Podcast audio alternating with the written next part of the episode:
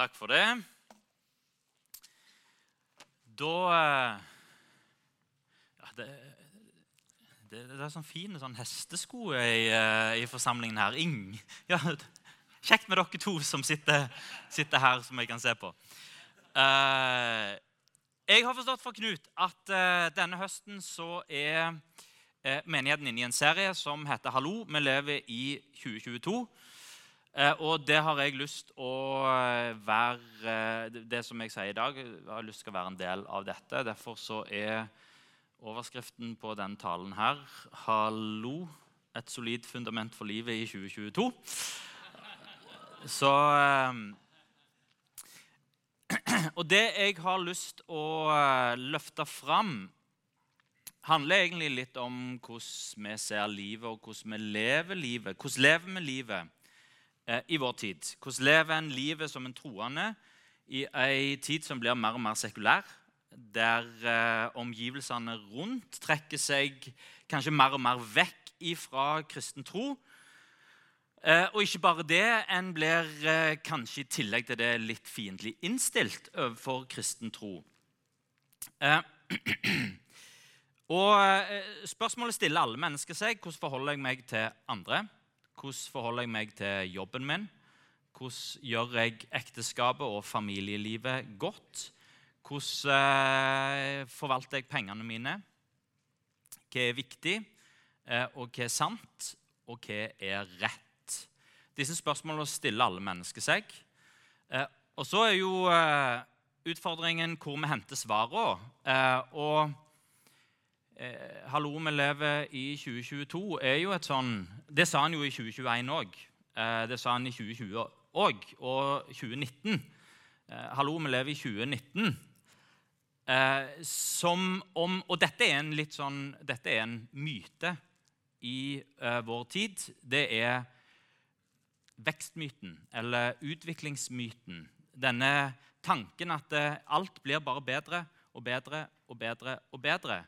Og veldig mye i vår historie de siste 100 åra underbygger den måten å tenke på. Fordi det har vært en teknologisk utvikling og en vitenskapelig utvikling. Og òg en økonomisk utvikling som er eh, Det er ulikt Norge annet som har skjedd før i verdenshistorien og i menneskets historie. Så, eh, så ja, vi kan se tilbake de siste 100 åra. Mine besteforeldre altså, de opplevde jo å gå fra eh, hest og kjerre til å oppleve internettrevolusjonen og eh, atombomber og alt mulig.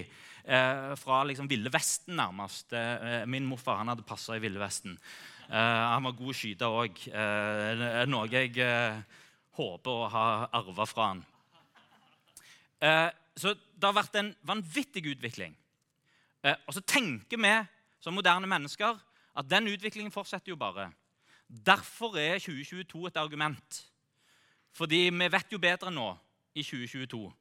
Eh, og i 2023 så er det et enda sterkere argument, fordi at nå er vi i 2023.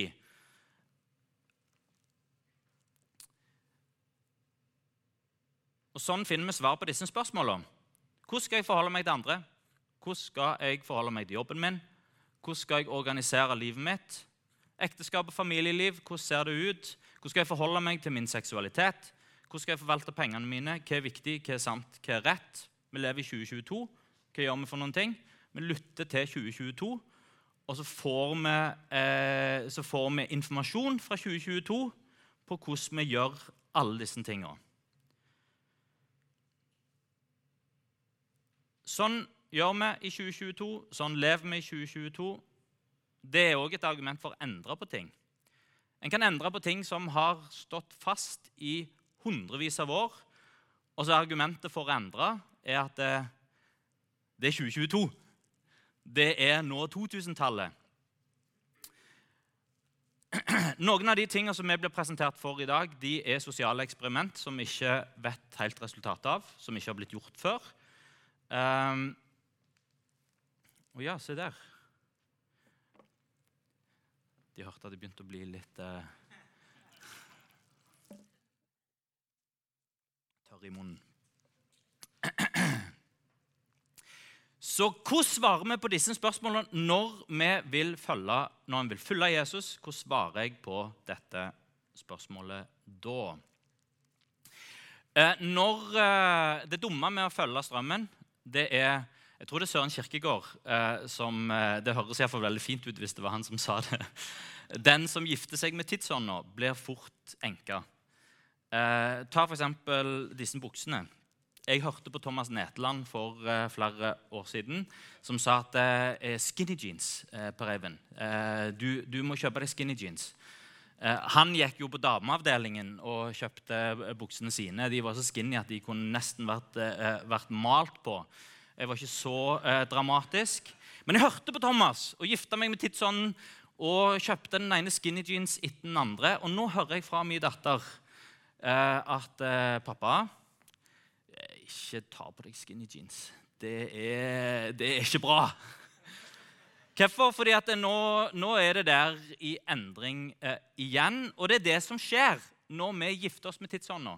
Når vi lytter til det som skjer akkurat nå, og når vi tar valgene våre basert på det som skjer nå. Vi vet ikke hvordan ting ser ut i morgen. For noen generasjoner siden så kunne en etterfølger av Jesus lene seg på kulturen. I større grad, iallfall. Fordi kulturen henta inspirasjon fra Bibelen, og fordi kulturen var kristen. Eh, selv om ikke alle var kristne, så ville de fleste holde for sant at Gud fins. De fleste ville holde for sant at eh, Jeg leser kanskje aldri i Bibelen, men det som står der, er sannsynligvis sant, og jeg må forholde meg til det. Eh, og som en kristen så kunne en til og med få litt beundring fra samfunnet rundt. fordi at ja, du du velger å leve det som vi andre mistenker er sant, eller tror er sant, men som vi ikke kanskje helt vil ta på alvor eh, med livet. I dag trenger vi å søke til kilden sjøl. Vi kan ikke lene oss på kulturen på samme måten. Trenger å se hva Jesus sier. Eh, og Da er spørsmålet hvordan bygger vi et sånt liv.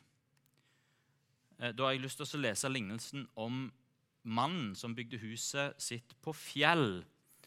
Og da, ikke, Vær så snill å ikke skru av ørene, for jeg vet hva du tenker med en gang du hørte den. Uh, Iallfall mange her tenker og den, den lignelsen den har jeg hørt helt siden jeg gikk på søndagsskolen.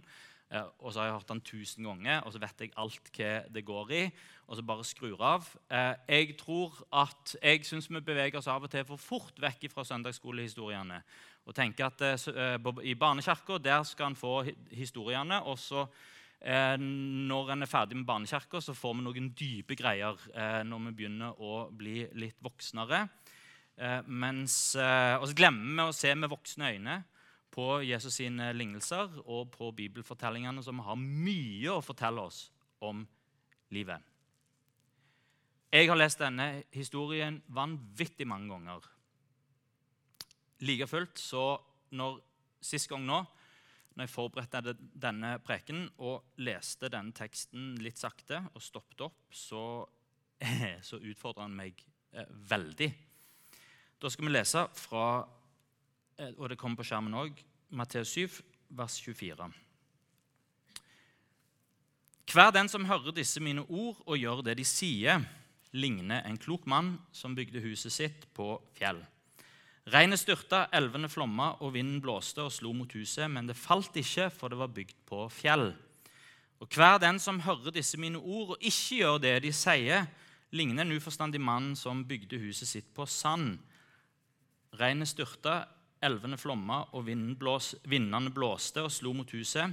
Da falt det, og fallet var stort. Da Jesus hadde fullført denne talen, var folk slått av undring over hans lære for han lærte de med myndighet og ikke som deres skriftlærde. Jeg lovte at dette skulle handle om et solid fundament for livet i 2022. Eh, og basert, Dette handler jo om fundament, å bygge huset på fjell.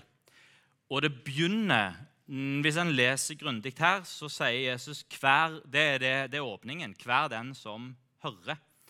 Lytte lytte er begynnelsen til å bygge seg et solid fundament. Hva tenker vi om det å lytte? Er lytting status, eller er lytting nedverdigende? Hvem har, eh, hvem eh, har mest å si? Eh, den som snakker, eller den som lytter? I en samtale, hvem er viktigst? Den som snakker, eller den som sitter og lytter til den som snakker? Kan vi fort tenke at den som lytter, er, sånn, det er sånn søppelbøtteperson som bare sitter og tar inn det som de andre eh, sier, og som, som, som lytter uten å sjøl å ytre så mye, er en, er en, litt mindre verdt. Er en ikke så interessante, kanskje? Eh, jeg vet ikke om du gjør dette, men jeg har tatt meg sjøl i det mange ganger. Jeg prøver å arrestere meg sjøl hver gang det skjer. Når en sitter i en samtale, særlig Det skjer i samtaler når en er bare to. Og det skjer i samtaler når, særlig når en er fem og seks. Så er det én som sier noe, og så forteller den personen noe veldig, som den syns er veldig interessant, og som kanskje er litt morsomt eller litt interessant, eller som er litt spennende, noe som den personen har opplevd. Eh, og, så, og, så, og, umiddelbart så trigges der en lignende fortelling i, i, eh, hos deg sjøl med noe du hadde opplevd, og noe du hadde lest, og noe du hadde hørt på TV eh, og noe som skjedde med deg her om dagen. Eh, og mens den andre snakker, så, bygger en sin egen fortelling på innsida og hører med liksom et halvt øre og bare eh, klar til når den trekker sin siste pust. Så ja, og jeg eh, opplevde jo nesten akkurat det samme, bare litt kulere.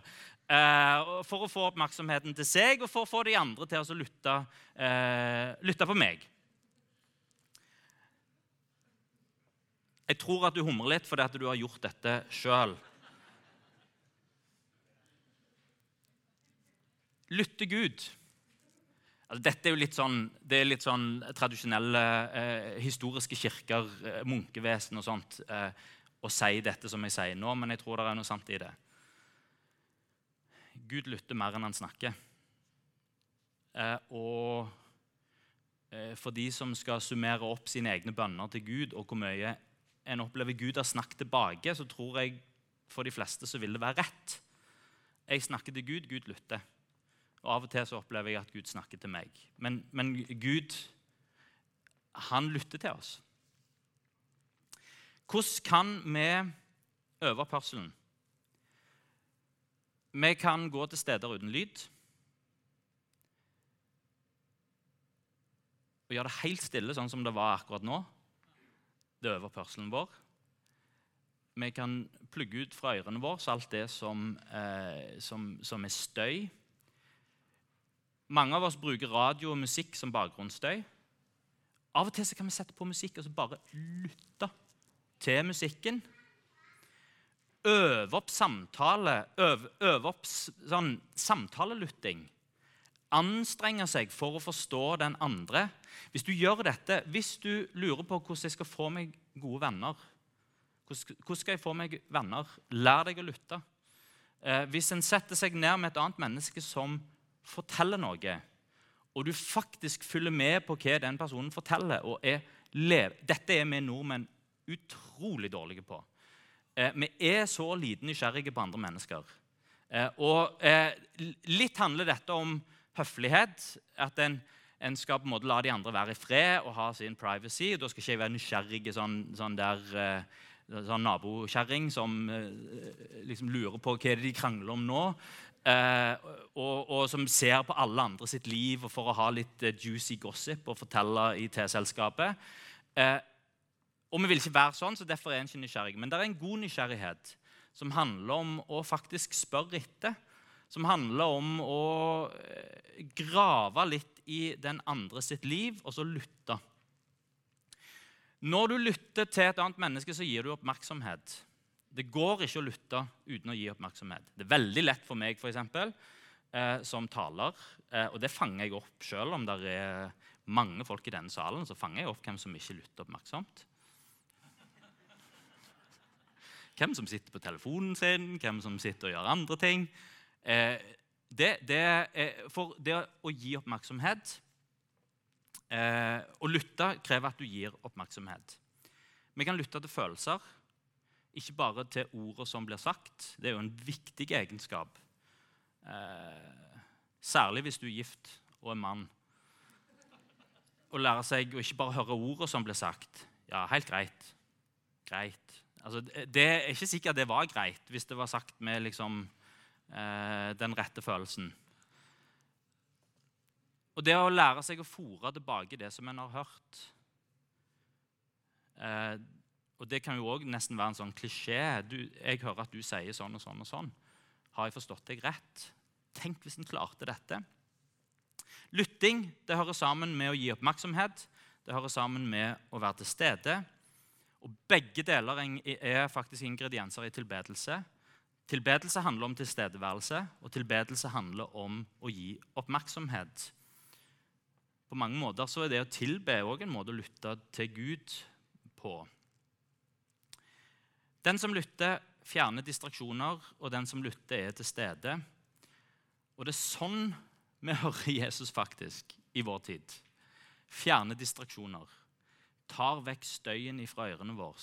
Gir oppmerksomhet og tid og stille og gjør vårt fokus. Det kan vi gi til Gud.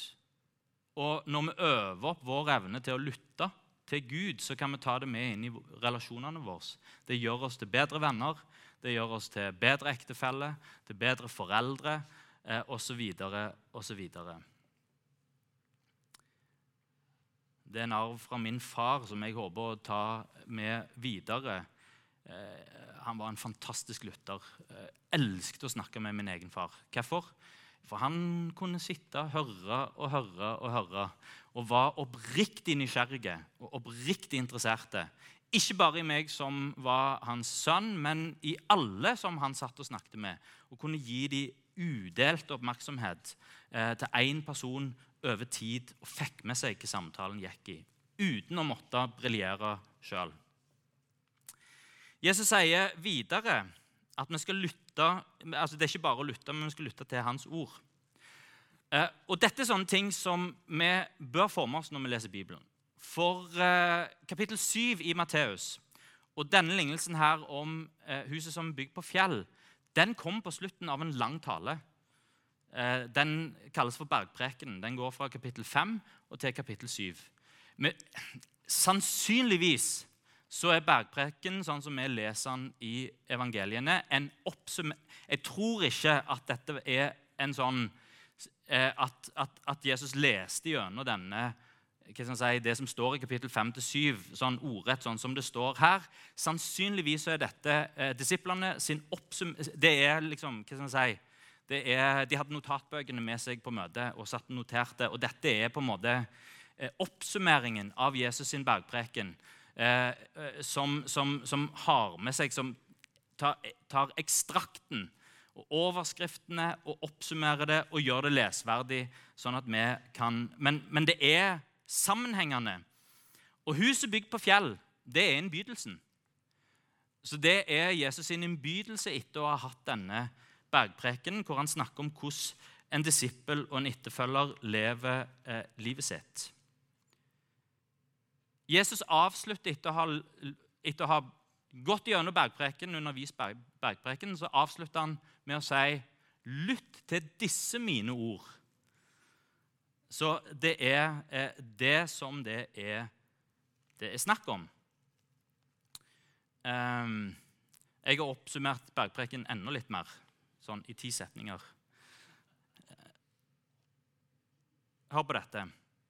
Og, altså, dette, er ikke, dette, er min ekstrakt av flere kapitler, bare sånn at ikke vi skal bruke eh, hele resten av tida til å lese gjennom hele bergpreken nordrett.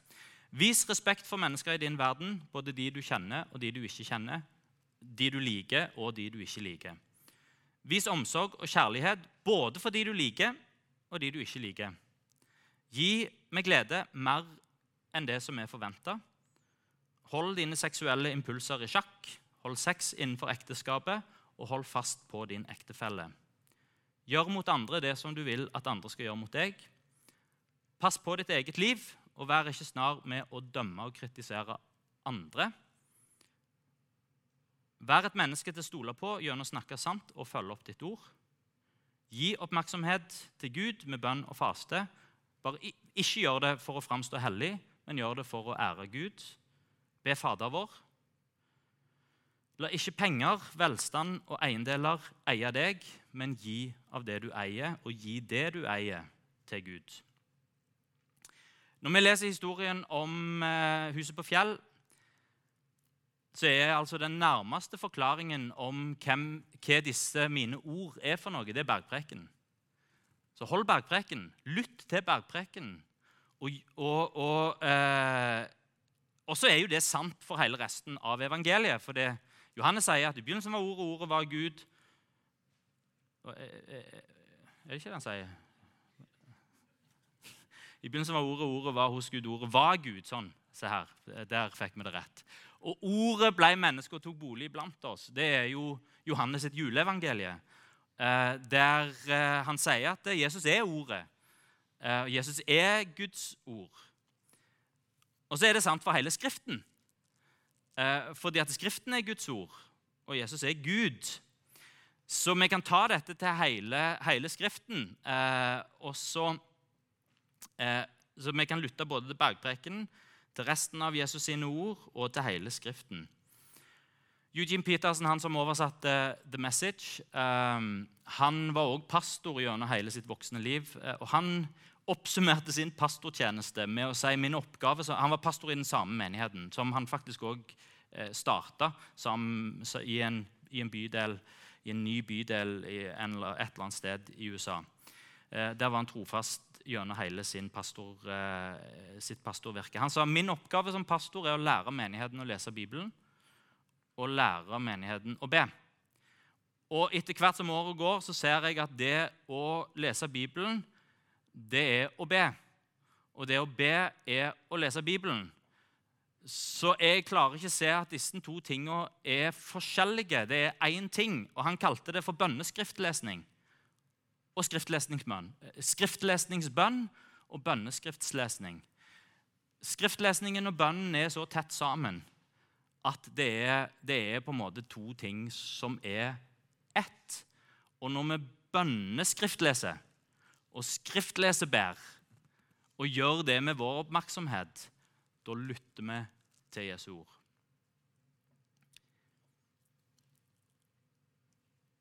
Men her kom oppdagelsen min som skremte meg litt. Et godt fundament er ikke bare å høre Jesus sine ord. Men et godt og solid fundament er å leve disse mine ord. Og når jeg vet at dette er avslutningen på en preken som vi kaller for bergpreken, så er rett og slett Jesus sin oppfordring til den som vil bygge et solid liv, er vil du bygge huset ditt på fjell, så gjør det som står i bergpreken. Lev det som står i bergpreken. Og det har vi jo kanskje hørt før. Eh, altså, det, ikke, det, var en grunn til at Jesus hadde bergpreken. Det var jo for at vi skulle ha et ideal å strekke oss etter. Men hvis du spør folk rundt forbi, eh, pastorer og kristne, hva er viktig for et bærekraftig liv i tro og etterfølgelse av Jesus? Hvis du spør meg, eh, hvilket folk har gjort, da har mine svar vært sånn som dette. Det er å hvile i nåden. Eh, forstå at Jesus har gjort alt det som trengs å gjøres. Det handler ikke om det handler ikke om hva jeg klarer å gjøre og hva jeg klarer å få til. Det er ikke en stige jeg skal klatre opp eh, for å komme opp til, til himmelen, men jeg kan hvile i Hans nåde. Jeg er rettferdiggjort gjennom tro. Eh, det er en ting som jeg vil trekke fram. Å prioritere fellesskapet. Vanvittig viktig. Leve troen i fellesskap med andre kristne. Komme jevnlig sammen til gudstjeneste. Eh, og det er noe som forskning også viser. at Den som har et aktivt gudstjenesteliv, er også den som, som, som beholder troen sin eh, gjennom et livsløp. Men ikke, eh, ikke, bare det aktive gudstjenestelivet, men komme sammen med ei mindre gruppe der en ber sammen og lever sitt kristne liv sammen med andre. Bønn og oppbyggelse. Og så vil jeg trekke fram jevnlig stillestund og andagsliv. Bønneskriftslesningen. Og det å ha tid med Gud, det å være stille, det å ha Gud med inn i hverdagen. Vet du hva, Jeg, vil, jeg eh, kommer ikke til å legge vekk dette og si at nei, det er ikke viktig, eh, for dette er viktig. Men samtidig, når Jesus ble spurt hva er viktig for et solid fundament for livet, da sier han og gjør det som jeg sier. Etterlevelsen er det viktige. Leve Jesu ord bygger fundamentet som gjør at vi blir stående. Lydighet mot hans ord. Hans ord i handling, hans ord levd, det er det som bygger eh, fundamentet. Eh, nå glemte jeg å ta med en mynt. Men eh, når Jesus begynner sin tjeneste, så forkynner han omvend dere i Markus. Omvend dere og tro på evangeliet. Omvendelse Peter det samme. Når han forkynner etter på pinsedag, så omvend dere. det er Omvendelse er hans budskap. Og Noen ganger så sliter vi med disse begrepene. Tro og omvendelse er det to forskjellige ting. Nei, tro og omvendelse er to sider av samme mynt. Du kan ikke ha tro uten omvendelse. Og med, om, altså Omvendelse og tro det er, det er som nåde og sannhet.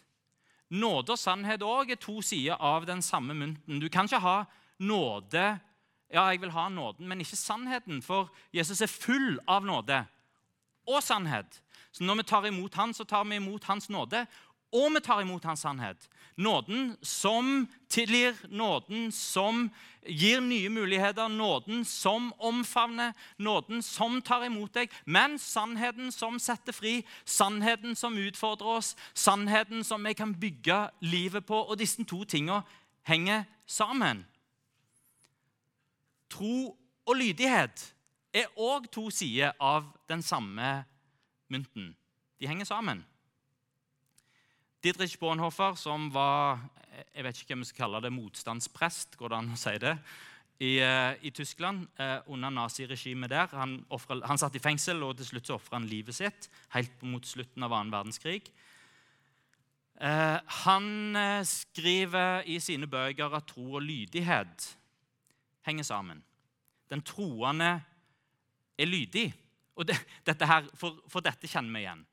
Den troende er lydig. Eh, det, det, ja, jeg tror, og med troen så kommer lydighet. Troens lydighet. Eh, og så snur Didrich Bonhoeffer på det og lurer på men er det ikke også sånn at den lydige viser tro. At ved å være lydige, ved å gjøre etter det som en hører, så viser en tro på det som en hører. Den som er lydig, tror. Og et spørsmål som, eh, eh, som, Jeg vet ikke om jeg ville gått til sjelesorg, eh, hos Didrich Bonhoeffer. For, for han skriver òg det at i, i møte med mennesker som tviler, så er det spørsmålet som mange sjelesørgere kvier seg for å spørre, er Hvis en tviler over lengre tid, har en òg over lengre tid vært ulydig mot noe? som en vet er sant, og som en vet en burde gjøre. Lydighet og tro to sider av samme mynt. Og jeg har ikke lyst til å ødelegge noe for deg, for disse tingene her, de skaper stress. Og eh, når en lever under ei sånn mørke, loviske sky av alt det en skal gjøre, da blir livet bare vondt. Eh, så og dette er jo en sånn, Det er grøfter som en går i òg eh, i kristne menigheter hele tida. Ja, nå handler det bare om hva vi skal gjøre. Nei, nå handler det bare om å hvile i nåde. Eh, så, så her, her kanskje går det an å løse dette. Hvem er det som trenger nåde? Den som virkelig prøver å ta til seg Jesu ord ifra bergpreken og prøver å leve av de, eh, den trenger nåde. Hvem, hvem, hvem, er det som faller? Eh, altså, det er Ja, det Dattera mi hater når jeg gjør dette. Hvem som faller, det er den som går. Det er den som har en retning. det er den som jeg, jeg skal den veien der, og så snubler en. Hvem er det som må reises opp igjen? Det er den som faller. Hvem er det som trenger nåde? Det er den som, som prøver å leve i sannhet. Vi trenger ikke stresse på dette her. Når vi, ja, Vær lydig mot Jesu ord. Hva betyr det? Vær perfekt? Nei, det gjør det ikke. Det betyr at vi sikter mot det perfekte idealet. Så det der, det vil jeg bort mot. Og i etterlevelsen av det siktemål, det er det tilbedelse. Tilbedelse er å sikte på Gud. Uh, tilbedelse er å skyte. Uh, tilbake til min morfar. Uh, du, du, du gir, når du skyter, dette vet jeg litt om, for jeg skyter av og til, så sikter du. Og all din oppmerksomhet, all ditt fokus går inn i det siktemålet. Og når du da trykker av, og hvis du, opp, hvis, hvis du er stille og du er fokuserte nok, oppmerksomme nok, så klarer du å treffe nær blinken. Tilbedelse er å gi vår oppmerksomhet og Gud, eh, opp, oppmerksomhet og tid og fokus til Gud og til det høyeste idealet. Og så er livet vårt det er, det er avtrekk etterpå. Vi lever mot det idealet som vi sikter mot. Det er den som følger Jesus sine ord, som trenger nåde. For vi er ubønnhørlige syndere som ikke klarer å leve rett hele tida. Derfor den som lever etter sannheten, trenger òg han som gir nåden. Jeg begynner å nærme meg slutten her. Jakob, Jesus sin bror, ble den første pastoren for menigheten i Jerusalem. Veldig respektert leder. Eh, jeg, tror han var veldig respektert. Han ble kalt for Jakob den rettferdige. Eh, han skrev Jakobs brev, og det er litt sånn in your face. Kanskje derfor at vi hopper over det òg av og til. Han skriver dette. Dette må dere vite, mine kjære søsken. Enhver skal være rask til å høre, men sein til å tale og sein til å bli sint. For sinne hos et menneske fører ikke til det som er rett for Gud. Legg da av alt ureint og all ondskap, og ta ydmykt imot det ordet som er planta i dere, og som har makt til å frelse sjelene deres. Her er han innom det samme. Lytte, ta imot det ordet som har makt til å frelse sjelene.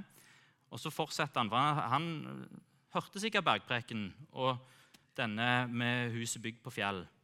Men dere må gjøre det som ordet sier, ikke bare høre det. Ellers vil dere bedra dere sjøl, for den som hører ordet, men ikke gjør det ordet sier, ligner en mann som ser på ansiktet sitt i et speil. Han ser på det, går sin vei, glemmer straks hvordan han så ut. Men den som ser inn i frihetens fullkomne lov og fortsetter med det, blir ikke en glemsom hører, men en gjerningens gjører. Et slikt menneske skal være lykkelig i sin gjerning. Og Jesus sine ord er radikale. Bare tenk på et ord som 'elsk dine fiender'. Det høres jo veldig fint ut. Eh, så, men eh, Og det, det, er nesten sånn idealistisk. ja, Som kristen skal elske våre fiender. Og så tenker en på en eller annen fiende langt vekk. og ja, jeg skal elske den fienden. Men, men altså, dette er jo bare å trekke kjærlighetsbegrepet enda lenger. Hvem som bare begynner aller nærmest deg sjøl? Hvem må elske ektefellen? Eh, eller ungene? Altså, det skjer jo av og til av seg sjøl. Men hvem må elske ektefellen når du ikke er så glad og fornøyd, og når en har krangla litt? Eller ungene når de ikke hører på hva en sier, og når de gjør sine egne greier, og når vi ikke føler for det?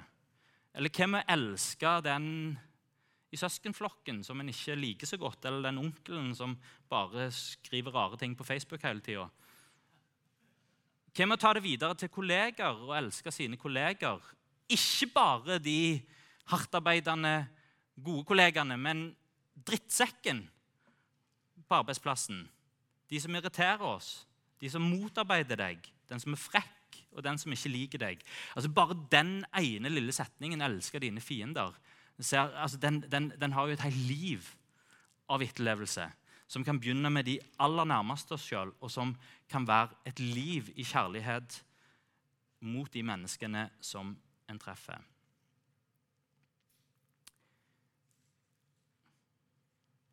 Hallo, Jesus sine ord er like solid i 2022. Han har bygd vår sivilisasjon. Hans ord har bygd vår sivilisasjon i 2000 år. 2000 år etterpå så leser vi fortsatt hans ord. Himmel og jord skal få gå, men mine ord skal aldri få gå. Hva kan være vår respons i dag? Ja, jeg vil være det mennesket som bygger livet mitt på et fundament som blir stående. Som hører og lytter til Hans ord, og som gjør etter Hans ord. og som vet at det, når jeg lever etter Hans ord, da, da er jeg trygg. For det er et solid fundament. Ting rundt meg kommer til å endre seg. Det, det som er i dag, det kommer ikke til å være i 2030. Eh, det kommer til å være annerledes igjen. Da kan en ha plassert livet sitt på grunnfjell og ikke på sand som beveger seg.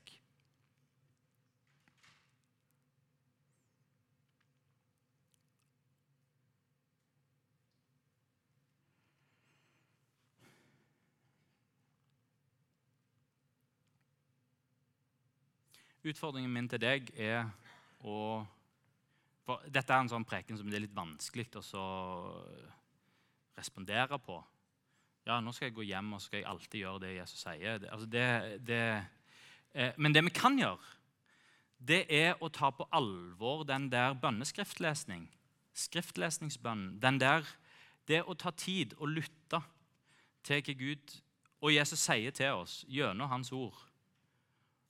Når vi gjør det jevnlig og blir inspirert til å gjøre noe med dette i hverdagen, eh, så bygger vi et solid liv